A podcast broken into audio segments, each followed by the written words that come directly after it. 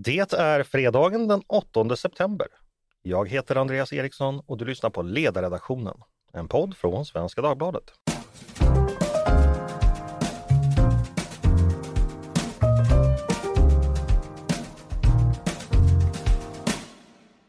Varmt välkomna till oss igen, till en fredag med Ledarredaktionen. Hörni, vi ger oss inte. Vi försöker igen. Och med mig för att försöka igen har jag som vanligt tre kollegor och som vanligt representerar de mytiska inkarnationer. Idag ser de så välvilliga ut så jag misstänker att det är Alekto, Migera och Tisifone som gästar mig. Vi får se hur vi klarar det. Den som först slår ut med eh, armarna över att hon inte begriper någonting, hon heter Paulina Neuding. Den andra som ser förvirrad ut, han heter Peter Wennblad och mest oförstående ser givetvis Mattias Svensson. Varmt välkomna alla tre! Tack så mycket! Hej! Paulina, tillbaka i panelen efter en veckas frigång. Har du haft bra vecka? Ja, och jag kunde onomatopoetisk. Mm. Hade jag suttit där så hade jag viftat irriterande med min hand och sagt låt mig svara Just istället det. för Peter. Det var lite domarskandal då förra mm. veckan, ni som minns. Du har varit på bio i veckan har jag hört. Mm, jag har varit på Barbie-filmen. Det var roligt. Du, du ska kanske få prata om den sen, men jag tänkte fråga, din första vuxenfilm på bio, eh, ja, vuxenfilm som vuxenfilm då alltså. Jag spanade tidigt 90-tal. Smög du dig in på När lammen tystnar kanske? Nej, den såg jag inte på bio. Eh, Dansa med vargar? Nej. Basic Instinct? Eh, det är någonstans där i härandet va? Nej, okej. Okay. Eh, kom faktiskt inte på vad det var man såg. Vi... Jurassic Park, var den från 15? Nej. Nej, det tror jag inte. Men du får fundera vidare på det. Mm. Vi går vidare till uh, Mattias, redaktionens egen Ken-docka. Hur mår du? oh, ja, jag mår bra. Du såg väl Top Gun och lärde dig hångla till den, misstänker jag? Jag såg faktiskt inte Top Gun. Jag var ju väldigt töntig. Mm -hmm. Så det blev varken Top Gun eller hångel förrän upp i åldrarna. Jag fick gå med i muff. Det kunde man inte tro. Nej, det kunde man verkligen inte. Det här med Ayn Rand har aldrig varit en giveaway på något sätt. Eh, var det Marilyn Manson som sa så här att på rollspel borde det stå så här stor varningstecken att varje spelkväll med det här förlänger din tid som oskuld med ett år ungefär. Och han borde ju veta. Eh, Mattias, i dagarna är det 20 år sedan du kämpade mot freden i folkomröstningen om euron. Är du nöjd med den värld du har skapat? Ja, om det var den värld jag har skapat är väl en sak, men jag är nöjd med att vi är utanför euron. Mm. Peter, 20 år sedan. Eh, mm. Vad gjorde du för 20 år sedan? Eh, oj, jag tror att jag var mellan jobb och så röstade jag nej till euron. Ja. Var inte det här, ja det bygger min nästa replik på att du var vid Expressen ungefär vid den här tiden? Så du säger ja, gärna. Ja, ja, jag tror i och för sig att det kan ha varit lite senare, men vi säger ja ändå. För du har ju berättat från din tid på Expressen, eh, dagen efter ni hade haft löp med, nu citerar jag, mina bröst växte i direktsändning. Så hela mm. redaktionen stod upp och applåderade i fem minuter när redigerarna kom in. Ja, kanske mer billigt än bokstavligt, men det var en väldigt eh, väldigt framgångsrik lösnummerdag. Mm. Det handlade alltså om Charlotte Perrelli som var nyförlöst och ledde Melodifestivalen och eh, kunde då inte amma under några timmar. Mm. En, en, en stor... Det här odödliga citatet. Ja, en, en stor stund i kvällstidningshistorien minst sagt. Hörni, vi ska gå på veckans ämne. Eller jag kanske ska fråga dig förresten om film också Peter. Vill, vill du dela något biominne från 90-talet? Eh, ja, men jag funderade också på vilken som var min första liksom, 15-årsfilm. Eh, men jag minns faktiskt inte. Det, det kan ha varit Dansen med vargar faktiskt. Mm. Ja, alla det såg den. den. Alla såg Dansen med vargar. Den känns ju lite bortglömd på något sätt nu. Eller har den nått den status liksom den, den förutspåddes ha givet liksom hur stor den en gång alltså, var? Ja, alltså jag tror att den, i och med Waterworld så blev liksom, hamnade ju Kevin Costner i vanrykte. Ja, det och Postman var det ju. Det var ju två på, på raken där. Liksom. Det dödade retroaktivt kanske en del filmer också. Ja, jag tror det faktiskt. Men det man såg eh, som, som var sådana här barnförbjud, det var ju på videovakor när man hyrde och alltså, såg. Ja. ja, exakt. Alltså det är det jag minns tydligast. Jag hade en kompis vars farbror hade eh, videouthyrning så han hade massa VHS hemma. Så där var det mycket olämpliga filmer. Det kan jag tänka mig. 13, 1 till 5. Och ja, vi, ska, vi ska inte fördjupa oss i olämpliga vuxenfilmer utan eh, vi ska gå över på veckans ämnen. För de är ämnen alltså, de är ystra och sugna på att bli dissekerade som de där grodorna de söver i IT. Eh, dags att stoppa ner kloroformen, kloroformkudden i burken och sätta igång alltså. Och då tänkte jag börja med dig Peter. Eh, du ska få börja veckans rakning av nyhetsveckan. Och då tänkte jag att du mm. ska med kniv och hyvel ge dig på polisen. Eh, detta efter att helgens kravaller i Rosengård, där det i söndags var, var nytt bråk efter att vår vän Salvan Momika tidigare på dagen bränt en koran på Värmstorget. Det kastades sten och det brändes bilar. Ingen greps just då, men gripandet har skett senare. Eh, du skrev i veckan så här Peter. Polisen väljer att kapitulera för våldet. Hur då? Ja, det gör man faktiskt. Alltså, polisen har ju fått en del kritik för att man förhöll sig rätt passiv eh, till de här eh, upploppsmakarna.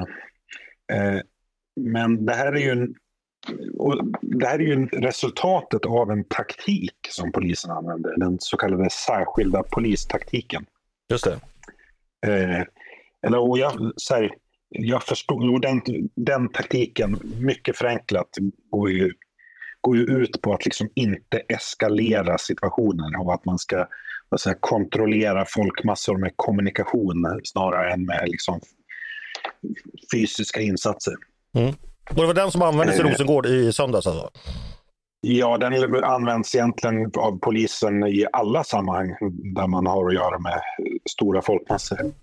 Eh, men så den är ju jag, jag hade förstått att det finns en viss kritik mot den här därför att eh, en sån här upp, SPT är liksom utformad för typ demonstrationer eller fotbollsmatcher och sånt där. Men det här, men det här och liksom, och man använder sig den, av den framförallt innan det uppstår för att det inte ska uppstå oroligheter. Mm. Men i det här fallet som i Rosengård och flera andra tidigare situationer så handlar det ju om vad säger, rena gatustrider. Liksom. Och där har man, motståndaren inom citationstecken eh, som är ju ute efter att driva bort polisen från platsen. I den här artikeln så nämnde jag en av filmerna som cirkulerade från i, från i söndags. hade ju liksom bildtexten They ran and we won, alltså när, polis, eh, när polisen retirerade. Liksom. Det var ligisterna som, hade, ser, som skröt? Ja, de ser, de, precis, de ser det ju som en en territoriell strid. Liksom. Mm. För att om vi då ska gå till, till slutpoängen så, så är det så att du i din text, du har hittat en, eh, en polis, då, en eh, anonym eh, källa som säger att det är inte alls givet att den här taktiken ska, ska användas. Eller hur, förstod jag det rätt då?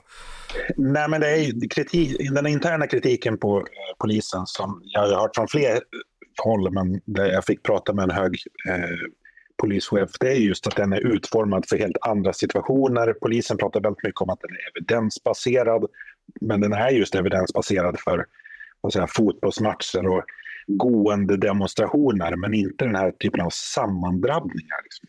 Mm. Eh, och den vad säga, grund... Ja, men också att den bygger på en värdering att man säger deeskalation har ett egenvärde, att våld alltid är ett misslyckande.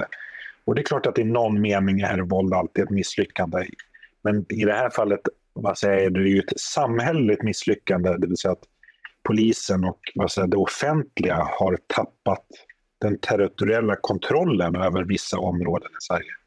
Och så, de områdena kommer man inte att ta, kan man inte ta tillbaka med kommunikation eller deeskalation. Så den fråga som jag ville väcka utan att egentligen har något eget svar är, är som hur mycket våld är vi beredda att bruka?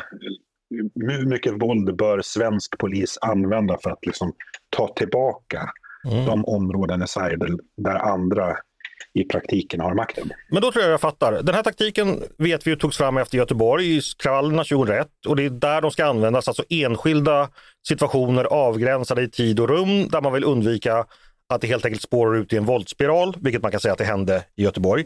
Men här har vi en Precis. annan situation i, vår, i exempelvis Rosengård där det pågår en ständig lågintensiv strid om själva territoriet, vilket är då exempelvis det polisen tar upp när man just definierar utsatta områden, det är ju att de samhälleliga tjänsterna och servicen, exempelvis ambulans eller polis, inte har total kontroll över området och därför är metoden kanske ogiltig eller rent av kontraproduktiv och farlig. Är det ungefär där ja, vi landar? Och, och, ja, precis. Och för många provocerande därför att det som hände i Rosengård i söndags och som har hänt tidigare, det är ju att polisen inte ingriper för att stoppa pågående brottslighet. Mm. Utan man övervakar, liksom, eh, alltså samlar in information för att kunna i bästa fall då, kunna följa upp efteråt. Som medborgare, att liksom titta ut genom fönstret och se att någon tuttar eld på min bil och polisen inte griper in. Jag mm. förstår att man blir djupt provocerad av det. Eller djupt de demoraliserad också. Alltså, ja, det också. Eh, precis.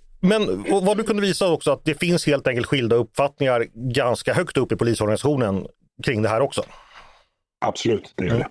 Mm. Eh, och det som kontentan av det här samtalet med den här höga polischefen skulle jag vilja säga att jag fick intrycket av att den här särskilda polistaktiken som i grunden är en metodik har fått drag av ideologi. Mm. Alltså att eh, man att någonstans inser många poliser att den inte funkar i praktiken, men den bygger på värderingar om det här icke-våldet och deeskalationen som är väldigt svåra att backa ifrån. Och många investerar tungt i det här. Liksom.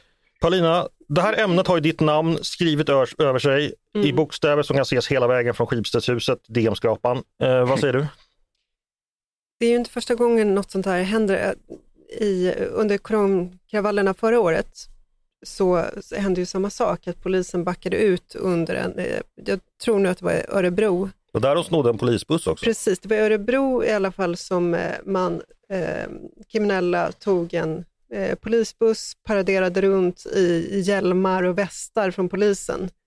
Det ser väldigt illa ut, eh, därför att polisen var tvungen att backa ut. Men, men det här hände ju i Järva 2017 också, under de här stora kravallerna där. Eh, och jag läste precis om det här i en bok som kom ut nu i veckan, tror jag, som heter Ett ord för blod, som är skriven av Faiza Idle, eh, som är poet från Järva. Eh, och hon har skrivit då hur det var att växa upp med en storebror som var ja, en ledargestalt i Shottaz, alltså under den här konflikten mellan Shottaz och Dödspatrullen i, i Järva. Och hon beskriver då 2016 dels hur folk började dras in i IS, eh, åren kring 2016. Eh, och hur det blir liksom en religiös väckelserörelse där i Järva. Folk liksom känner sig väldigt farliga och sticker ner till Syrien och Irak och så vidare.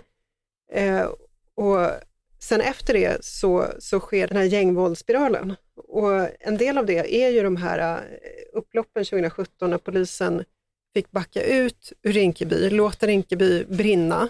Man sa till och med att eh, om vi åker in nu så är det för att rädda liv. Man stod och väntade utanför. Och det var en fotograf från Dagens Nyheter som blev misshandlad. Det var en kvinna som ägde en butik i Rinkeby centrum som fick stå och försvara sin butik egenhändigt. Eh, ägaren till en pizzeria blev misshandlad.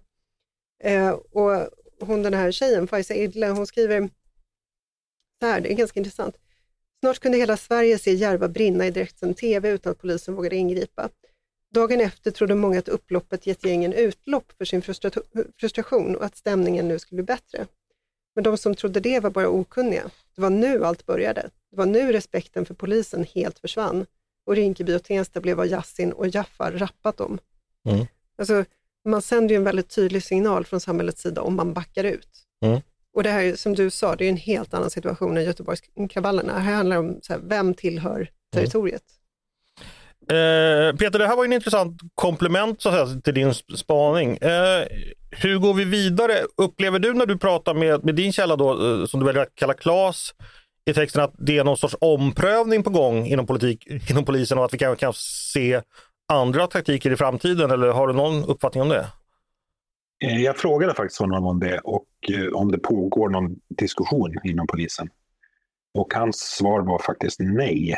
Det finns en frustration men det pågår ingen diskussion. Alltså i och med att SPT har fått drag av ideologi och är vad ska jag säga, så, eh, så djupt rotad i polisorganisationen så man gör inte karriär på att kritisera SPT som man uttrycker Ja, nej, men det, det är väldigt intressant och jag antar att jag då som har en bakgrund som organisationsvetare vet ju att sådana här koncept, eller vad man ska kalla det, när de väl sätter sig kan de ju finnas kvar och bli strukturer eh, och finnas kvar väldigt, väldigt länge, långt ja. efter att, ja, det, det, vet ju alla exempelvis, det kan ju gälla managementkoncept eller HR-idéer eller vad som helst, de finns ofta kvar. Men, men, men han varnade ju, för, alltså han gjorde ju en parallell till, till skjutningarna som, som många först kanske inte riktigt ville ta på allvar eller och där liksom man började ompröva politiken och metoderna först när det hade gått väldigt långt. Alltså han såg ju en risk för att, ja, men precis som det Paulina läser upp från, från boken, alltså det här är en territoriell strid som bara har börjat och där den andra sidan vad ska säga, kommer flytta fram sina positioner. Mm. Jag kan passa på att tipsa om en podd som vi hade i maj förra året, det vill säga efter påskkravallerna, då jag pratade med eh, Niklas Lindroth som är, som är polis eh, och ägnar sig åt att utbilda, eh, om jag minns rätt, polisen just den här taktiken. Så den kan man lyssna på. Den heter Fakta är målet efter påskupploppen ifall man vill veta hur, hur polisen resonerar. Om ni såg det här bisarra Uppdrag granskning som var om påskkravallerna, eller påskkravallerna, koranbränningskravallerna, så det var ju också väldigt dogmatiskt kring den här metoden och varför hade man frångått den och varför hade man gått in så mycket för konfrontation och, och så vidare. Så att det finns ju en, det är inte bara inom polisen som det finns en föreställning om att det här är enda rätta sättet att hantera kravaller, mm. utan det är mer sen, sen, ska, sen ska det läggas till, alltså det har ändå varit en diskussion i polisen om vilka vad säger, verktyg och vapen och sånt där som man ska ska använda vid den här typen av händelser. Men det är fortfarande inom ramen för SPT. Alltså många poliser tycker ju att det är ett problem att man har inget sätt att verka på det man kallar för kastavstånd. Alltså man har liksom man har vapnet, och, eller man har batongen och man har sitt vapen men ingenting däremellan. Mm. Mattias, du är väldigt tyst. Eh, du har inte utvecklat expertkompetens på polisiär crowd management. Jag kan, jag kan göra det på några minuter. jag är det på Nej, men, några minuter. Nej, men har du någonting att tillägga? Ja, ja men alltså, eh, det, det, är ju, det är ju förståeligt, men det finns ju samtidigt, eh, och det är ju Peter väldigt klar med, väldigt tydliga trade-offs. Alltså värre än att, att backa och dra sig ur är ju att förlora. Eh, och mot en tillräckligt stor folkmassa Eh, så förlorar man alltid. Det är ju därför kravaller i i liksom den betydelsen när, ja men vi har sett i London eller i USA under Black Lives Matter och så när den typen av kravaller kan ju inte ens liksom den mest taggade polis eh, stå emot. Eh, och, och då behöver man göra reträtter, det, det, ingår liksom i allting och det ser ju alltid illa ut, men, men det kan vara det minst dåliga. Eh, inget av det här är ju emot vad, vad Peter säger, att för, för det ser ju och blir ju en, en seger i stunden för, för mobben. Mm. Eh, och, men men det, är, det är väldigt svårt att, att undvika det, därför att det är så många, det är så eh, upptrappat. Man, eh, man vill framförallt undvika att, eh, att fler och fler ansluter, vilket, vilket ju är vad som händer vid de här händelserna. Det är några som tar initiativ, men får de hjälp eh, och, och det blir liksom sån här du får skydd av massan. Mm. Eh, inom massan så kan du tillåta dig saker du aldrig skulle tillåta dig annat. Det är ju precis det vi såg eh, sett hända här. Eh, och det finns en massa psykologi där som, som man helt enkelt, även som polis, är ganska mm. maktlös mot. De får, inte, de får inte vinna helt enkelt. Och det, det är därför det är så viktigt att Eh, nu, nu, fick ju folk väldigt stränga straff efter de här upploppen förra året eh, i tingsrätt, men det mildrades i hovrätten och nu får vi se om, eh, hur det blir i HD, om det blir någonting i HD. Mm. Eh, men eh, budskapet från samhället måste vara väldigt tydligt här. Och vill man läsa in sig på de här upploppen i Järva 2017, de är väldigt omskrivna över det här laget. Hanif Azizi skriver om dem i boken Förortssnuten Um, han beskriver hur hjälplös han kände sig som lokalpolis just i Järva när han bara fick sitta och titta på när hela området brinner. Mm. Uh, Lasse Wierup skriver om det i sin bok om gangstervåld också. Just det. Men vi ska ta avrunda det här ämnet. Uh, bara en sista fråga till dig Peter. Uh, när du valde att namn, namn, eller sätta namnet Klas på din källa så var det ett välvalt namn. Det gav sig själv att en högt uppsatt polis ska heta Klas, inte sant? Ja, ja det, det kom omedelbart till mig. Mm. Det är ett bra polisnamn. Ja, men vi som växte upp med, med Claes Kassel vet ju att uh, han var ju svenska polisen i 15 års tid mer eller mindre. Så att, nu ser Paulina jättefirad ut. Det var han då, det var den stackaren som, minns ni den här storyn när Aftonbladet bussade nazister på Alexandra Pascalidou? Så, då var ju också Claes Kassel inblandad där så att de betalade då nazister att ta bilder utanför hans hus också. Han var, det var en konstig historia. Mycket märklig. Mm. Eh, den ska vi inte gå in på nu för då pratar vi länge. Men ni som vill lära er ett stycke svensk presshistoria eh, får eh, helt enkelt googla Claes Kassel Aftonbladet så hittar ni säkert någonting. Hey, I'm Ryan Reynolds. Recently, I asked Mint Mobile's legal team if big wireless companies are allowed to raise prices due to inflation. They said yes. And then when I asked if raising prices technically violates those onerous two-year contracts, they said, "What the f*** are you talking about? You insane Hollywood ass." So to recap, we're cutting the price of Mint Unlimited from $30 a month to just $15 a month. Give it a try at mintmobile.com slash switch. $45 up front for three months plus taxes and fees. Promo for new customers for limited time. Unlimited more than 40 gigabytes per month. Slows. Full terms at mintmobile.com. Hörni, vi ska gå vidare. Och då har det blivit dags för ett eh, nytt moment, eller ett nygammalt moment som jag redan känner kommer bli mitt favoritmoment, nämligen veckans läsarfråga. Och det är Tommy som skriver så här. Nu citerar jag Tommy. Jag slås av den kritik som Moderaterna fått utstå de senaste dagarna i många fall kommer från de egna leden, vilket känns befriande. Det fick mig att tänka på att det här saknar motsvarighet på vänstersidan. Eller, när S byter fot, vilket ibland händer, då står Lindberg, Greider och, och så vidare i vakt. Sedan följer de smidigt med den påbjudna åsiktsmanövern. Det kanske var elakt, men jag hoppas ni förstår. Vad finns så många oberoende, fria och kritiska röster på högersidan numera medan vänstern har börjat följa instruktionerna från högkvarteret? Jag vill ta sig an den här frågan. Är det en riktig spaning att eh, högerrösterna är mer... Mattias, du ser sugen ut. Känner du igen det här?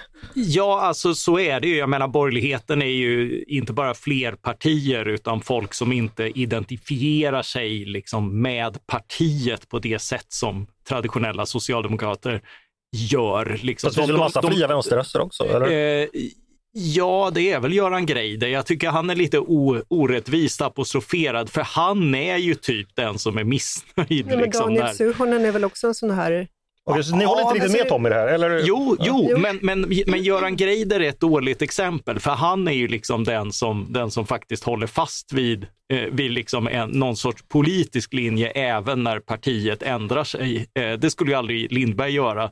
Eh, men, eh, och, och, även Suonen är ju lite grann så ja men eh, nu går vi vidare och inför löntagarfonder. Liksom sådär. Han är alltid i framtiden, men han är, in, han är inte nödvändigtvis i strid med partiet. Mm.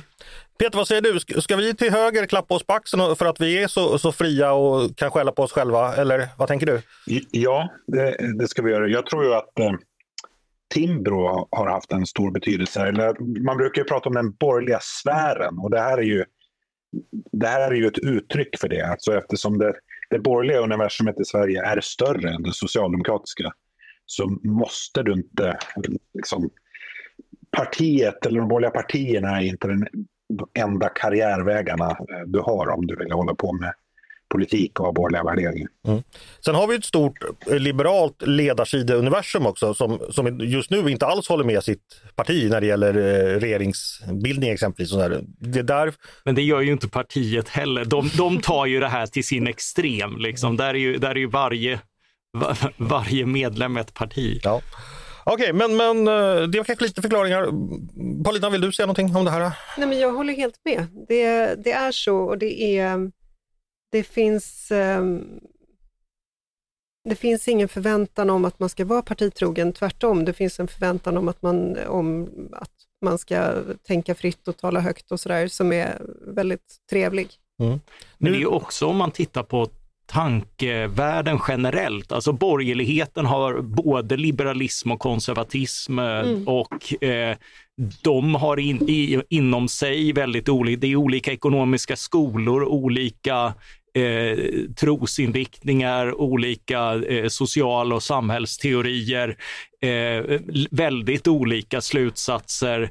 Eh, medan vänstern väldigt mycket är liksom, höj skatten är liksom det politiska förslaget och Marx är om och om igen analysen. Men jag tror att det kan vara så att det, att det finns en historisk förklaring där, att icke-socialister har liksom fått gå samman i Sverige och vi har fått acceptera att vi, vi sitter på något sätt i samma båt, även om vi tycker väldigt olika. Ehm, Mm. Och ehm, så får man liksom samsas i det och ha så bra samtal man kan. Vi plockade till och med upp eh, Sverigedemokraterna som kom simmande i båten. Ja, uppenbarligen. Men det är det så, nu ska jag vara elak, eh, så länge man försvarar engelska skolans vinstuttag, då får man vara med.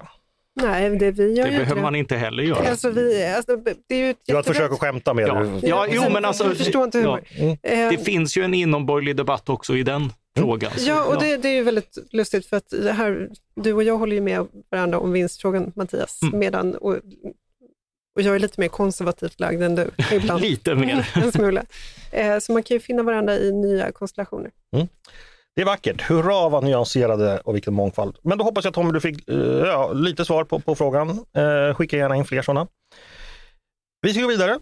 I en video eh, som, som det brukar heta, fått stor spridning på sociala medier syns en ung man klättra upp för en stege till en balkong där han sedan grovt misshandlar och dödshotar lägenhetsinnehavaren. Han är nu dömd till fängelse och därefter utvisning. Men utvisning på fem år dömdes han dock till redan 2018, något som alltså inte verkställdes. Och sedan dess har han dömts för inte mindre än 23 olika brott, men tydligen har det inte gått att slänga ut honom ur landet. Paulina, hur är det här möjligt? Jag har beställt domen eh, från Kalmar tingsrätt, men jag har inte fått den än. Nej. Det brukar gå fort, men det gjorde det inte- idag, en fredag eftermiddag. Eh, så jag kan inte svara på exakt hur det har gått i det här fallet. Men det är ju så att ehm, ehm, om man har fått beslut om utvisning eller avvisning, då, är, då ska man ju ordna det här själv. Eh, och det är bara om eh, Eh, Migrationsverket har skäl att tro att man inte kommer att ordna det här själv som man kan börja prata om förvar och annat. Och eh, när det gäller förvar så finns det starka begränsningar för hur länge folk kan hållas i förvar och vad det innebär. Och, och det är ju väldigt mycket, alltså det finns ett förvar i Kållered som jag skrivit om flera gånger, där det är liksom svängdörrar, där folk liksom rymmer hela tiden. Så att det är väldigt begränsad säkerhet. Och de som jobbar där har knappt någon utbildning. Alltså det finns så mycket problem kring det här. Vi är ju inte, systemet är inte dimensionerat för sådana här situationer. Så att eh, den här killen har uppenbarligen då blivit lagförd för väldigt många brott sedan det här utvisningsbeslutet. Men hur många brott han har begått i verkligheten, det kan ju vara betydligt mycket mer. Nej. Och vi vet inte vad det här äh, handlar om, om det har funnits verkställighetshinder som man säger eller om det finns andra orsaker. äh, Ja, eller att helt enkelt ingen har försökt säkerställa att han har försvunnit ur landet. Men det som är intressant är, jag såg det här klippet först på utländska Twitterkonton, för det har ju blivit väldigt, väldigt stort på internet. Eh, Jordan Peterson har twittrat där. Alltså det, det har nästan- Har Jordan twittrat? Ja, men det, alltså, Hörde du Mattias, Jordan har twittrat? Ah, ja, okej. Det twittras väldigt mycket utanför Sverige. Eh, och sen så blev det en nyhet i Sverige. Jag såg att det var i onsdags som Rapport tog upp det här. Om Aktuellt har tagit upp det, och det har jag inte ens sett. Eh, så att svenska medier som vanligt har haft lite svårt, så här, hur ska vi hantera den här videon som, som sprids av fel konton och sådär. Här finns ju förstås i bakgrunden en diskussion kring avvisningar och utvisningar och hur de ska verkställas och hur myndigheter ska förhålla sig till dem. Jag tänker då på diskussionen om informationsplikt, eh, det som motståndarna kallar angiverilag. Hur, Till exempel. hur kommer den in i det här? Ja, men det här är ett perfekt exempel på varför det behövs eh, att myndigheter samarbetar för att människor som till exempel har fått utvisningsbeslut för att de är farliga också skickas ut ur landet. Att inte en person får ett utvisningsbeslut från en myndighet, sen går till en annan och säger hej, jag skulle vilja ha mitt månatliga bidrag. Mm. Eh, det, det är ju en helt orimlig ordning. Och dessutom det här med moralen. Alltså det är så lätt att visa, jag ser så många konton i sociala medier nu som, som har den här symbolen om att man inte anger och så tycker man att man är väldigt fin. Men jag önskar att någon hade angett Akilov, till exempel en skollärare. Det hade varit moraliskt riktigt att göra det. Mm. Jag menar inte att han går i skolan, men jag menar att det borde ligga en lärares etos att han inte satte sig i den där lastbilen och körde över människor. Mattias, du är motståndare till angiverilagen. Varför vill du att knivdårar ska klättra upp på folks balkonger? Ja, det var ju en fin fråga. Nej, Alltså, men du det fattar här- vad jag menar. Nej, ja, men- Paulina ställer ju ändå upp en, en intressant konflikt här. Eh, nej, egentligen inte därför att den här personen har polisen och rättsväsendet redan haft och ändå har de misslyckats med att eh, avhysa honom. Alltså jag är, jag är skeptisk mot att låsa in människor som inte har gjort någonting i förvar.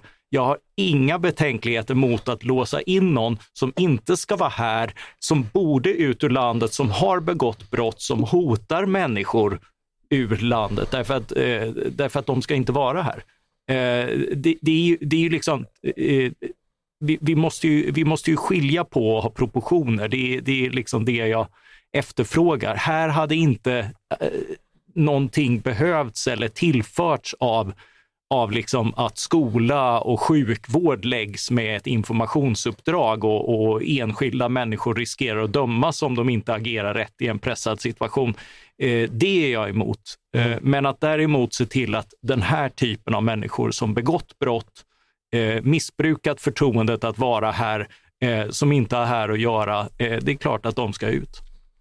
Men jag funderar lite på, eh, finns det bakom den här diskussionen en annan meningsmotsättning som handlar om utvisningar generellt? För precis som du säger Mattias, för mig är det självklart att utlänningar ska inte komma hit och begå brott. Eh, är du utlänning och håller på att klättra upp på folks balkonger och försöker mörda balkonginnehavaren, då ska du ut mm. eh, ur landet. Det är självklart för oss. Är det självklart för alla? Nej, men det är precis. Och det, det, det jag, jag, vet inte. När, när vi hade det här REVA-grejset, då var det ju liksom att ingen människa var illegal och polisen fick absolut inte haffa illegala migranter och det fanns inga illegala migranter. Och det är fel. Men jag känner också att jag vill... Eh, jag tycker att regeringen gör rätt som tar det här initiativet till att myndigheter ska ändå ha en plikt att de ska ha möjlighet, det ska inte liksom ligga sekretess som hindrar myndigheter från att dela den här typen av eh, information med varandra. Det ska också finnas en skyldighet. Men jag är också öppen för att man har ett visst mått av samvetsfrihet. Jag tror ju på samvetsfrihet i vissa sammanhang vid mm. aborter till exempel. Mm. Eh, och jag tycker det här är ett så här, även om jag tycker att det är inte nödvändigtvis så att en lärare gör någonting moraliskt riktigt när han eller hon inte anger en eh, illegal migrant, så som mm. jag sa nyss. Alltså ibland är det moraliskt riktigt att göra det. Ibland ser man en situation där man inte kan det av moraliska skäl. Det är så här, eh, om man arbetar med barn, och man sitter med ett barn varje dag i skolan, då älskar man förmodligen det barnet. Det gör duktiga lärare. Och, och i, staten kan liksom inte ge sig in på det sättet, in i den, i den relationen. Jag beundrar din konsekvens här, att du försvarar samvetsfriheten i alla lägen. Det är inte alla som Jo, som men, är du med på... Ja, ja, jag är med. Men jag tänkte, det Mattias säger nu, att i det här fallet så hade ju, i och med att han var dömd för 23 brott, så hade ju polisen haft 23 tillfällen. De, polisen behövde inte ha någon ytterligare information. Nej, nej, nej, visst. Och, och det var ju samma, jag menar Akilov fanns på eh, säkerhetsmyndigheternas radar. Mm. Alltså informationen fanns där. Och det är därför jag tycker det är så viktigt att man, så man det är så facilt att säga eh, och tänka så, så endimensionellt och säga om jag inte anger någon, då är jag en fin människa. Nej, det är möjligt ja, att du är en djupt ofin mm. människa om du inte anger någon. Mm. Mm. Eh, så att, så. Ja, alltså, och där, där håller jag ju med om, mm. om precis det här. Alltså, skuggsamhället ser annorlunda ut idag än det gjorde på 90-2000-talet när, när, när jag och andra formade liksom, mm. eh, värderingar som var liksom att ja, det var människor från krigets Jugoslavien, de var livrädda, lagstiftningen hade inte hängt med. Eh, människor tog hand om dem i hela liksom, eh, bygde Sverige och, och i Omsele och sånt där. Liksom det var en annan typ av fall, det var en annan typ av situation än människor som kommer hit idag. Många av dem är offer, men många av dem är också förövare och farliga för sin omgivning. Den här personen var en uppenbar sån person. Mm. Han ska eh, sitta inlåst för sina brott och sen ska han ut ur landet. Peter, har du somnat? Eh, nej, jag lyssnar intresserat. Ja, men du har inget att tillägga? Eh, nej, egentligen inte. Men jag läser den aspekt som väl inte har tagits upp här är ju alltså ett vanligt skäl till, till att människor inte kan utvisa sig det som kallas för verkställighetshinder. Eh, det har jag, kan jag också ha lite svårt att förstå ibland. Hur, hur svårt kan det vara? Men, men det är väl liksom kanske mer juridiska än praktiska verkställighetshinder. Ja, men det är, det är praktiskt också. Alltså, det är svårt att skicka någon till ett land som inte vill ta emot. Och med många sådana här länder så, så är ju det här avtalsreglerat.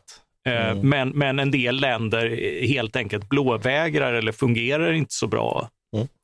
Och där tror jag att vi måste skyndsamt ordna med motsvarande en eh, Rwanda-lösning. Alltså, en, ett avtal med ett tredje land som får ta emot människor som inte vill tillbaka till sina hemländer, men som vi inte vill ha i Sverige. Är det realistiskt? Ehm, det är så mycket Jag, som är jag fick orealistiskt. lite andra associationer av Rwanda-lösning. Ja. Ja, precis. Jag vet inte om ni såg det, men det var, det var en polis, som, eller en eh, forskare som uttalade sig om det här våra problem med barntorpeder i eh, Aftonbladet nu i veckan, som skrev att vi måste titta på hur man har gjort med det här i Rwanda kring barnsoldater. Mm.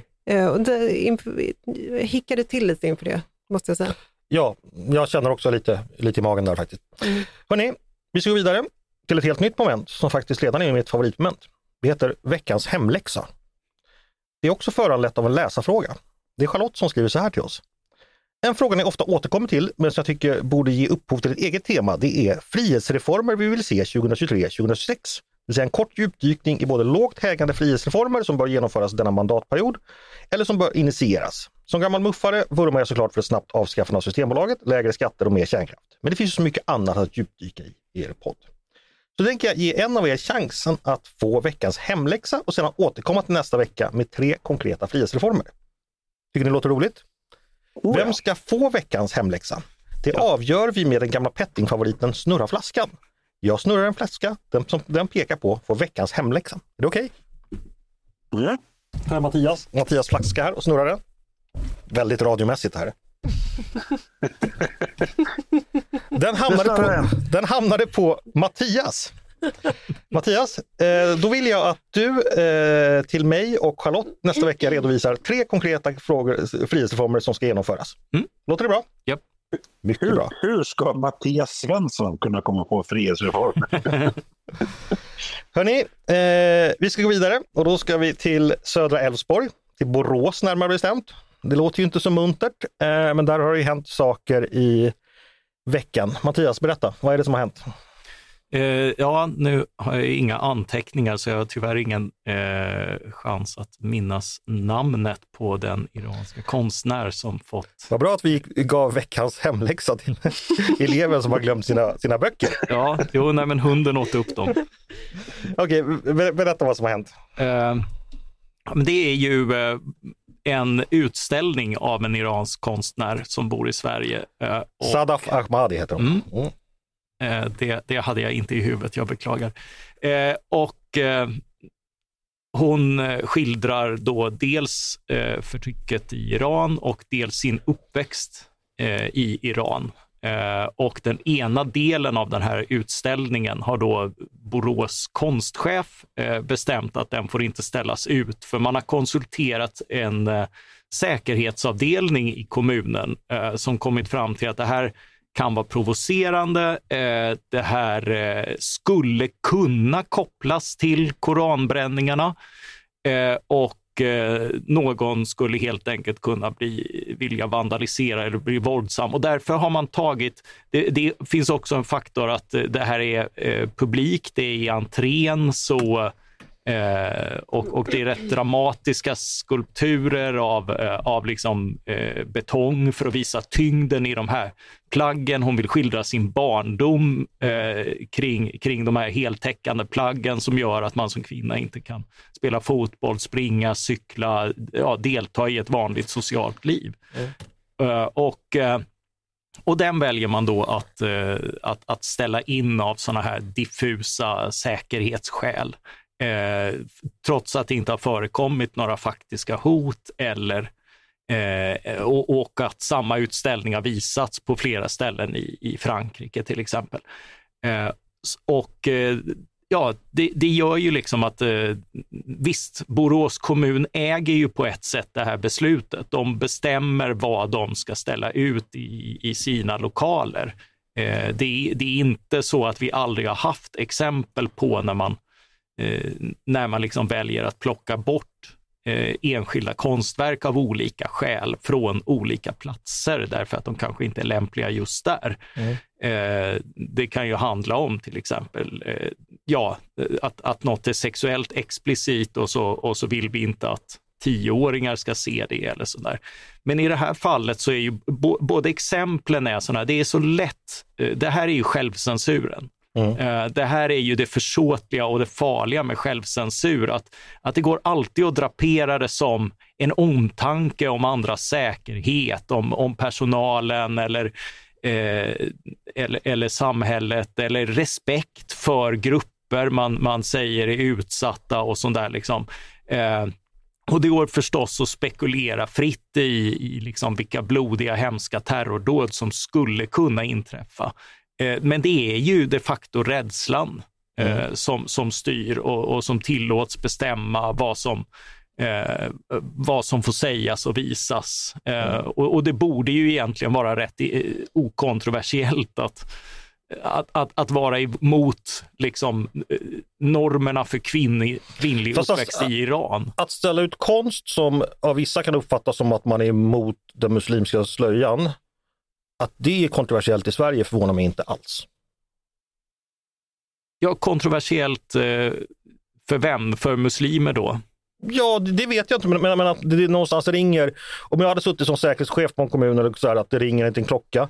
För att här finns ju en bakgrund. Eh, tittar man på Borås hemsida så ser man ju att den här storyn, ja, den exploderar i media nu, men redan den 8 eller 9 augusti la man ut ett, ett uttalande om det här där där Sadaf Ahmadi sa så här att eh, majoriteten av de kvinnor och män som står med oss i regimen och protester är muslimska kvinnor som har hijab på sig. Eh, och att eh, eh man, man, man, säger också att eh, jag är inte emot hijaben som en kulturellt eller religiöst uttryck. Att det uttalandet publiceras den redan 9 augusti det har väl att göra med att man misstänker att man har förberett sig på någon form av protest. Någon klocka har ringt någonstans. Jo, jo, men att någon protesterar, att någon har invändningar mot ett konstverk är ju inte konstigheter. Det är ju eh, det, det hör ju till. Det vore ju mm. konstigt om inte någon reagerade och det, det är ju klart att man vill, mm. eh, om, om man vill visa på att motståndet är större än så. Ja, eh, nej, men min poäng var, jag är inte ja. förvånad över att det har ringt klockor här någonstans om någonting har skett. Nu skulle jag säga, idag har ju Borås berättat att utställningen ska ställas ut då, men i konsthallen istället, det mm. kommunala. För att eh, ja, då är det liksom betalande besökare som går in och aktivt uppsöker det här konstverket och inte så att man mm. får det när man går in i kommunhuset. Det är ju en bra lösning. Mm. Eh, men, men det, det visar ju liksom en sån här Alltså, eh, det, dels så är det så lätt att hyckla om anledningarna och låtsas en respekt när, när, när det är rädslan för våld som är, som är liksom den springande punkten. Ja, men det kan ju också vara rädslan för att bli kallad rasist eller islamofob, att nu ställer vi ut den här islamofoba utställningen och så är ens namn få fötter ja, någonstans. Du, på... du, ser, du ser hur lätt det är att spekulera fritt. Liksom. Ja, uh, och, uh, och liksom börjar vi låta sådana kriterier styra vad som får, mm. får sägas och visas i landet så är, vi, så är vi illa ute. Men just den böjliga självcensuren gör ju att, ja, att det här är alltid möjligt och därför bör vi alltid vara vaksamma. Men, men får jag vara lite djävulens advokat Eller så jag tycker en aspekt av det här som liksom inte har kommit fram eh, så tydligt, det är att när eh, Säpo höjde den här terrorhotsnivån från 3 till 4. Eh, och det har de ju sagt att det är inte så mycket riktat till medborgarna som till myndigheterna som ska vidta vissa åtgärder. Eh, och då är det den här typen av grejer som faller ut. Alltså det finns säkert någon form av säkerhetsprotokoll eller rutindokument i Borås stad vad man liksom ska vidta för åtgärder vid, vid olika hotnivåer. Och jag tror att det i det här fallet är det kanske inte så mycket censur som att man har konstaterat att så här, ja, men precis som du säger Andreas, det har ringt någon klocka, då tittar man över, är den här lokalen lämplig i, liksom om det här teoretiska hotet skulle realiseras. Mm. Eh, så att det, det, blir den här typen av effekter. Liksom. Nej, men det räcker väl med att någon lokal i Borås går och filmar den här utställningen, lägger upp den på sociala medier. Den filmen får fötter i, i Mellanöstern kanske. Eller något sånt Alltså helt plötsligt så, så har du en jävla situation helt enkelt. Ja. Eh, och, och, det är väl inte allt för svårt att någon säkerhetsnisse någonstans sitter och ser det. Det är ju deras jobb att undvika sånt. Jo, jo men det ja. är ju säkerhetsmyndigheters jobb att vara paranoida och det är andra eh, myndigheters jobb att inte anpassa konsten efter det. För det är ju där vi hamnar eh, om, om vi liksom rättar eh, den här typen av beslut efter det. Det, det är ju det här vi öppnar för med den här eh, paragrafen om, om utrikespolitiska hänsyn. Att vem som helst och vems fantasi som helst kan sätta press. Det och det är någon helt annan som drabbas, näm nämligen någon som bara vill uttrycka något helt annat. Men i det här fallet alltså, behövdes det inte någon ändring i ordningslagen. Det räckte ju med en kommunala tjänstemän som fick kalla fötter. Det visar ju hur, hur sårbara vi är oavsett hur vi gör. För ja, ja precis, finns. men varför, varför, varför underlättar det ytterligare? Paulina, det är ju inte tyst. det vi behöver. Nej, men det borde väl, ni, har, ni har fel båda två, ni är helt fel ute. Alltså, det, här är ju, det här är ju problemet med er stå upp-liberalism. Ni tror att man kan öppna för en storskalig migration av, eh, som innehåller alldeles för många människor som är islamister.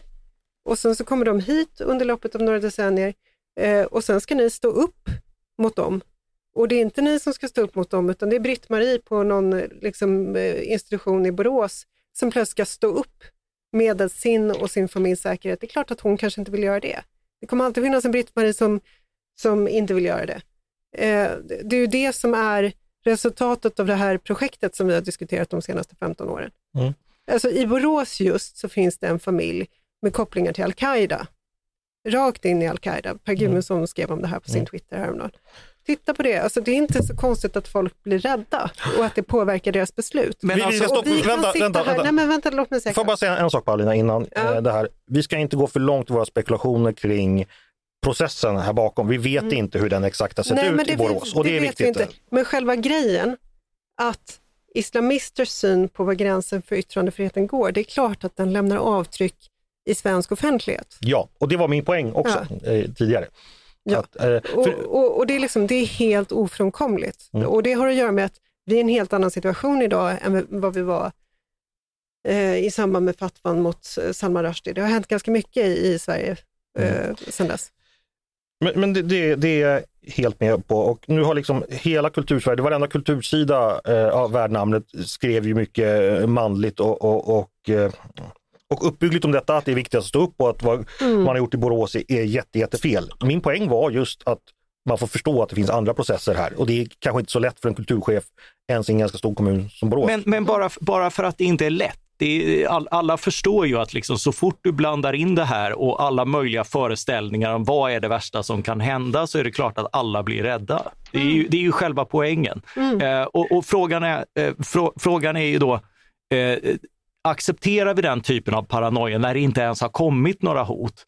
Eh, då blir det ju oerhört stora inskränkningar som drabbar helt andra människor som försöker göra helt andra saker, som själva är flyktingar härifrån, som försöker ändra situationen där och, och sprida kunskap här om hur det är att växa upp under förtryck och annat. Det är ju de som drabbas av det här beslutet och, och det är ju de vi behöver stödja därför att, därför att det är ju liksom Annars blir det ju våldet som triumferar och då kan man säga liksom, ja, nej men liksom efter, eftersom det har kommit människor som är hot, då ska, vi, då ska vi inskränka allting. Men då kan du inte stanna där heller. Då kan du inte nöja dig med halva utställningen. Då måste du ställa in allting därför att, därför att ska du, ska du liksom resonera utifrån, du kan ta det resonemanget hur långt som helst att för att vara på den säkra sidan så måste vi. Och det är, det är precis där vi hamnar om vi ger efter det. Men jag tror att vi, vi skär frågan på, på olika led.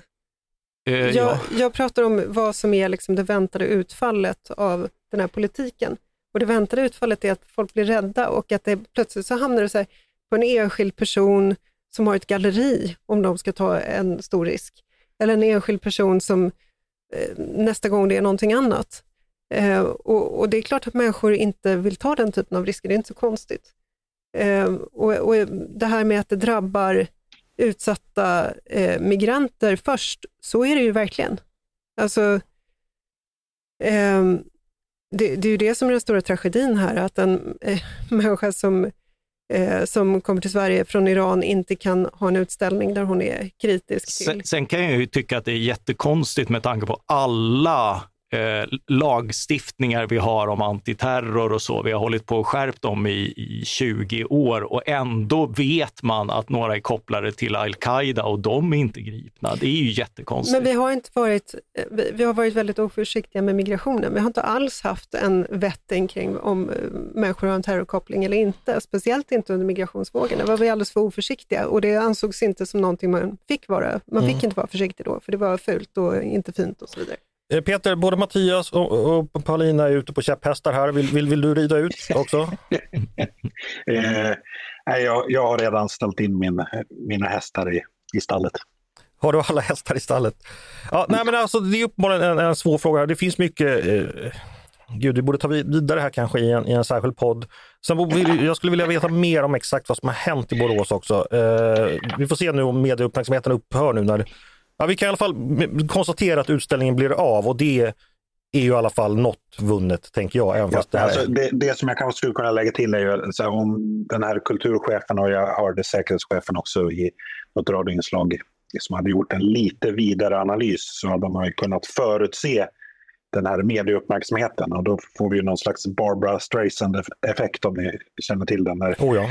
Men Barbara Streisand, ja, alltså, så här, nu känner jag plötsligt alla till den här eh, utställningen, vilket ju sannolikt Ja, inklusive kanske de som borde bli eh, arga. Liksom. Det, Ja. Så frågan är hur mycket man åstadkom. Hörni, vi ska gå vidare. Det är dags för mitt favoritmoment. Det som heter Svar direkt, då vi stresstestar våra ledarskribenters politiska reflexer och förmåga att blixtsnabbt skilja gott från ont och sant från falskt. Det går helt enkelt till så att jag likt en, ja vad ska jag välja den här gången, likt en toppad forehand från Olof Palme som piskar ner bollen mot baslinjen hos Harry Schein, piskar på mina kollegor några nyligen lagda förslag eller andra aktuella spörsmål för att se om de kan returnera. Och returnera gör man genom att säga ja eller nej eller vara för eller emot. Och fort ska det gå. Helt enkelt svar direkt. Är ni redo? Där fick du till det. Ja. Regeringen prioriterar ett jobbskatteavdrag för att istället framför att följa praxis och höja skiktgränsen för statlig skatt. Det står klart att man gett två skattebesked under veckan. Vad tycker då mina kollegor om detta? Prioriterar regeringen rätt så sätter jobbskatteavdrag framför en höjning av skiktgränsen? Ja eller nej? Jag vill ha svar direkt. Nej. nej. Ja, som frågan är ställd. Ja, den, den är ställd. Eh, Mattias, varför är, det bättre, varför är den här skattesänkningen bättre? Eh, ja, alltså eh, om, om man måste välja, vilket man inte alls måste, och det är ju det som är, som är slött, eh, så, eh, så är det ju en, en tuff situation för många hushåll och då är det bra om man får mer över. Peter, varför håller inte du med? Jag tror att eh, marginalskatterna är mer skadliga för svensk ekonomi än vad säger, skillnaden mellan ett, ja, vad är det nu, 13 och 14 jobbskatteavdrag eller hur många det nu har blivit. Det ligger någonting i det också. Paulina, vad säger du? Jag håller med allihopa. Vad fint. Hörni, vi tar en till. Regeringen avskattar statsbidraget till etniska organisationer i höstens budget. På så sätt sparar man hela 19 miljoner kronor. Detta för att som arbetsmarknadsminister Johan Persson skriver på DN Debatt, samhället ska inte uppmuntra till etnisk segregation utan till integration. Håller ni med Persson, Persson i detta? Gör regeringen rätt som slopar bidraget till etniska organisationer? Ja eller nej? Ni har svar direkt. Ja. Ja, Nej. Jag ser Oddman out igen. Vad, vad tänker du? Ja, men det blir för fyrkantigt. Vi såg nu, liksom, jag kan tänka mig eh, diskussionen på eh, regeringskansliet. Så där, liksom, Nej, vi sa etniska, inte estniska. Ja, ja, men... Eh, och, och, Vad och var det där? Skär, skär, det, Nej, men e- e- det finns ju estniska snäll, eh, föreningar därför att vi har exilester här eh, och att de eh, organiserat sig i en etnisk förening är, är förstås inte särskilt förgripligt. Och, och det blir en åtgärd som som liksom eh, slår lite snett, även om jag generellt sett är för att man är kritisk till bidrag. Det här är mycket intressant, eh, för det, det föranleder mig till en liten utvikning. Mauricio Rojas berättade en gång, eller jag hörde en föreläsning med honom, där han berättade om att esterna, exilesterna efter andra världskriget, det var den första invandrargruppen i Sverige som gjorde precis så här. De bildade egna skolor, hade egna föreningar och sånt. Och det uppfattades då i 50-talets Sverige som väldigt konstigt och väldigt udda och man gillade inte alls det här att varför är de inte nöjda, varför vill de inte bli svenskar? Det var jättekonstigt. Det fanns förstås en, många anledningar till det, men ett var ju att deras land hade försvunnit eh, på andra sidan Östersjön och befann sig under förtryck.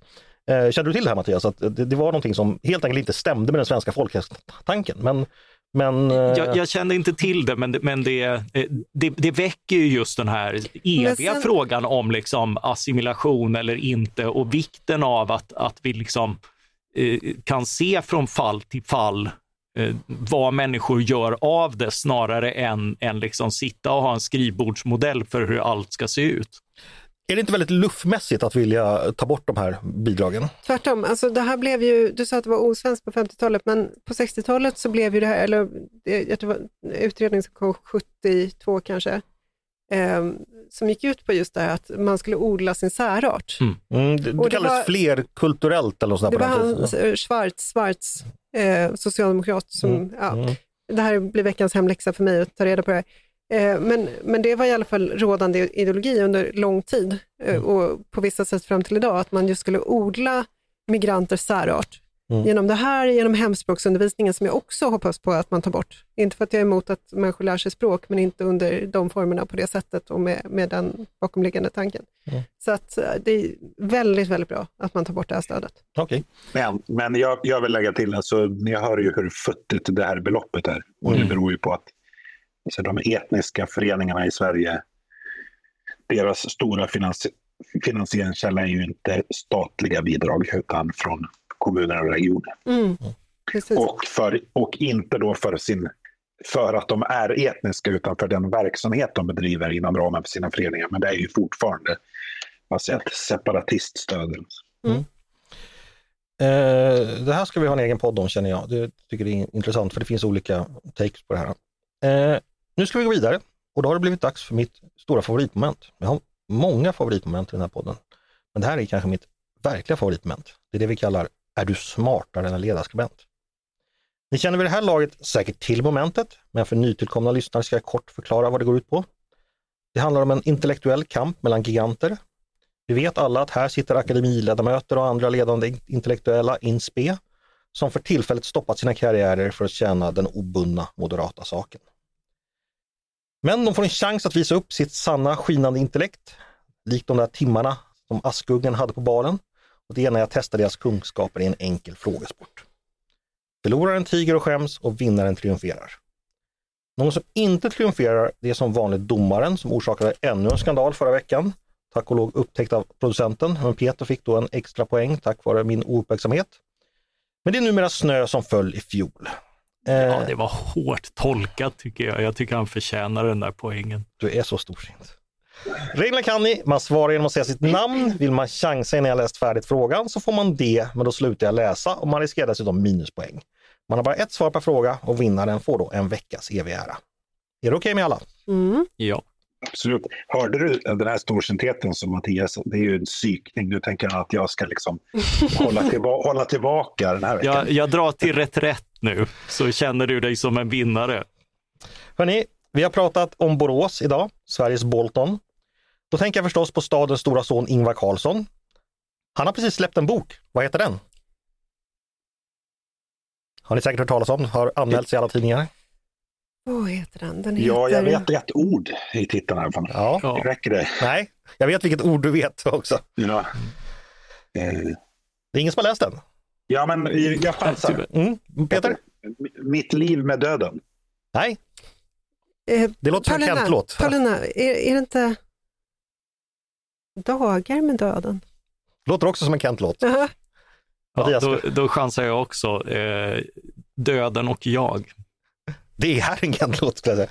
Nej, eh, den heter I sällskap med döden. Just det. Mycket Ja. uppbyggt. Så. Ja, Nära. det var ju vi Ha, har vi inte läst, ingen som har läst den? Det borde vi göra. Någon. Jag, jag har läst så mycket om den så jag känner mig liksom eh, mätt. Men den är ganska kort. Eh, Det är livet också. Hörrni, vi fortsätter med Ingvar Carlsson. Hans dotter Pia var en framgångsrik idrottare med bland annat 45 landskamper. Mattias, Mattias? handboll. Det har du helt rätt i. 45 landskamper på meritlistan. Numera framgångsrik kommunikationschef tror jag. Fler boråsare, eh, och då förstår ni att det handlar om Per Schlingmann. Eh, 1999 blev han VD för Rikta Spider, en kommunikationsbyrå som skulle arbeta mot företag som sade sig verka inom ett nytt paradigm. Vad kallades detta paradigm? Peter, Peter? den nya ekonomin.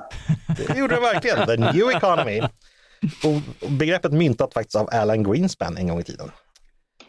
Eh, Rikta Spider, Rikta dyker upp i podden igen. Vi pratade ju om dem i samband med Sydafrika-affären, var det inte det? Ja, det var ju det som, eh, Spider blev ju stora för att de, varumärket Rikta funkade inte längre. Nej, just det. Ständigt detta, dessa Rikta. Hörrni, mer Borås. Borås ligger centralt i Sjuhäradsbygden, en trakt som redan på 1600-talet fick undantag från den tidens hårda näringsreglering. Så tillvida att allmogen där fick gå runt och sälja sina produkter direkt till konsumenterna i andra delar av landet utan att behöva gå genom städernas borgerskap. Vad kallar Paulina. Paulina snabbast. Knallar. Knallar gör de visst. Ett poäng vardera. Peter, kunde du det också? Ja, Hörrni, vi har också pratat folk som går på stegar. Eh, nu ler Mattias för han vet vad som väntar. Men det blir ingen Jakob Stege, Mattias, sorry. För numera har man till och med i Bibeln övergivit Jakob Stege och översatt det med Jakobs trappa istället. Så en fråga om trappor. I vilken stad finns The Central Mid-Levels Escalator, världens längsta rulltrappesystem? Ja, det är inte i Sverige för då hade den stått still. Den här står... Men den hade kunnat heta Central Mid-Levels. Ja, eh, den här trappan då, är, på, på, på morgonen går den neråt och på eftermiddagen går den uppåt. Gott om väldigt Peter. Peter. Alltså det känns ju ologiskt med tanke på att du, det var på engelska, men jag säger Tokyo.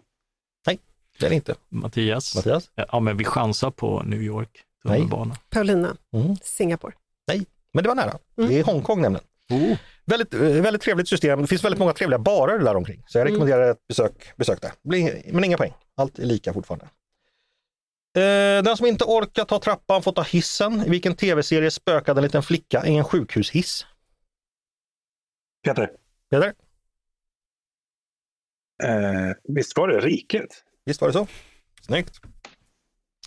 Då fortsätter jag med Lars von Trier. För idag är det faktiskt 23 år sedan en av hans filmer hade premiär i Sverige. Exakt 23 år sedan. Filmen som vann Guldpalmen samma år handlar om en tjeckisk immigrant i USA på 60-talet. Vad heter filmen? Peter, Peter? är det Dogville? Nej, det är det inte.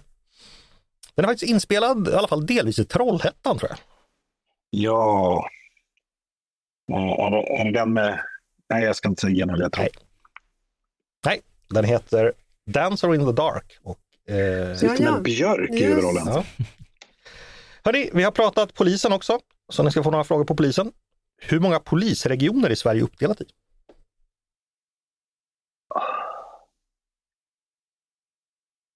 Det är ju bara att chansa Mattias. Mm. 24. Nej, Paulina, Paulina. sex. Fel. Peter, du får chans också. Ja, ska vi säga 12? Nej, sju. Stock Nej, Stockholm, mitt, Bergslagen, norr, öst, väst och söder. Hörrni, eh, mer poliser. Eh, Dan Eliasson var rikspolischef fram till 2018, det vet ni. Eh, han har ju också varit GD för Migrationsverket. En av hans efterträdare hette Anders Danielsson. Denne förärades en hyllningsartikel 2015 i Dagens Nyheter vars bärande tes rymdes i ett citat. Paulina, Paulina? låt Anders vara Anders. Precis, inspirerad av tv-serien Vita huset. Snyggt Paulina, minns du den artikeln? Mm. Jag läste den bara häromdagen faktiskt. Den var... Ru- Rubriken löd “Han klarar flyktingvågen och man får vara sig själv”. Och ett annat citat är “Den Det var 61 Björn af Kleen som skrev. Jaha. Den 61-åriga tjänstemannen från Arlöv i Skåne har axlat rollen som det fria samhällets försvarare minsann. Tänk att han fick ett helt annat porträtt än Barbara Bergström av samma sk- skribent. Hörrni, en polisfråga till. Vad hette Stockholms första polismästare som bland annat arbetade med att klara upp mordet på Gustav III? Det var inte Klas Kassel. Nej, och inte Hans Holmér heller. Mycket känd person. Eh, Gustav den tredje. Paulina, Mm. kan Ja. det ha varit Axel von Fersen? Nej, men det är en bra gissning. Ja, precis den enda samtida person som inte var kunglighet som man känner till. Ja, för mig dyker det bara upp ett efternamn. Ja, men det, det kan räcka bra, Peder. Alltså, alltså Olivenkrona. Nej, men du, du är ju lite där. Det, det är Henrik Liljensparre, men Jaha. ja, Bellman hade man kunnat säga också. Ja, men det var ju det här med lotteriet. Är det en fransk och en tysk? Hörrni, vi har pratat balkonger också. Då tänker jag förstås på Romeo och Julia. Var utspelar sig den pjäsen? Paulina. Verona. In Fair Verona. Då går Paulina upp i ledning med tre poäng. Spännande det här. Vad är det för skillnad på en balkong och en altan? Paulina, Paulina? en altan är på marken. Ja, den är stödelse på marken helt enkelt. Snyggt! det var, det var en konstig poäng. Oj, så svårt. det var en så kallad gratispoäng. Ja, men Paulina var snabbast. Det var en riktigt tabby fråga. Eh, mer balkonger. Vilken politisk kommentator hävdade år 2016 att han vid midnatt var tvungen att fly från sin egen lägenhet just via balkongen och ta in på hotell? Mattias? Mattias? Lars Leijonborg? Nej, politisk kommentator var det. Ah, fan. Här åker du på minus. Vilken politisk kommentator hävdade år 2016 att han vid midnatt var tvungen att fly från sin lägenhet via balkongen och ta in på hotell efter att tidningen Expressens reporter ringt på halva natten? det vet jag ju förstås. Politisk kommentator. Kommer ni ihåg det här? Mattias, du kommer ihåg det här? Låter det som. Men Nej, ingen, jag, jag, eh, jag tror faktiskt att jag har fel igen. Men jag får Nej, ni minns inte detta? Nej. Nej. Det var Marcus Oskarsson på TV4. Jaha. Och det ska sägas att Expressen tillbakavisar de här uppgifterna och menar att man bara ringt på två gånger. En gång 17.30 och en gång 21.55. Alltså inte halva natten. Men ja, jag vet inte om de kom överens om detta. Någonsin. Ja, det var det jag hade och det slutar med fyra poäng till Paulina, två till Peter och noll till Mattias. Grattis Paulina! Tack så mycket. Stockholmare är smartare än lantisar. Den hade du längtat med att ta fram. Ja, det var allt jag hade att erbjuda som jag brukar säga. Är ni nöjda med det? Mycket. Nej, kan, vi inte få, kan vi inte fortsätta? Jag får ta fler frågor Vi här. får fortsätta alldeles för länge om jag ska få något rätt. Kunde du In Fair Verona? Romeo och Julia? Det är Shakespeare. Nej. eh, nej, det hade jag nog inte kommit på. Det, Det ska till och med finnas en eh, balkong där som ska vara då den, den riktiga balkongen. Det vet jag inte. Jag, var- jag kunde det. Du kunde det. Även om jag har ju läst Johan Lundbergs bok nyss som bland annat hamnar, handlar om eh, Shakespeare och synen på hederskultur där. Så det. det tas ju upp där, men eh, stadens namn hade gått mig förbi. Hörni, eh, Mattias, du har inte gått oss förbi. Vi är så glada att du är här. Stort tack för att du var med idag. Och det var ett nöje. Paulina, stort tack för att du var med idag. Tack att jag fick komma.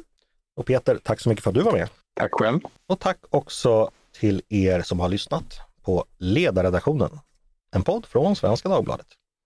Ni är varmt välkomna att höra av er till redaktionen med tankar och synpunkter på det vi precis har diskuterat, eller om ni har idéer och förslag på saker vi ska ta upp i framtiden. Eller nya frågor till redaktionen. Det är bara att mejla till ledarsidan snabla svd.se. Dagens producent, han heter Jesper Sandström. Själv heter jag Andreas Eriksson och jag hoppas att vi hörs igen snart.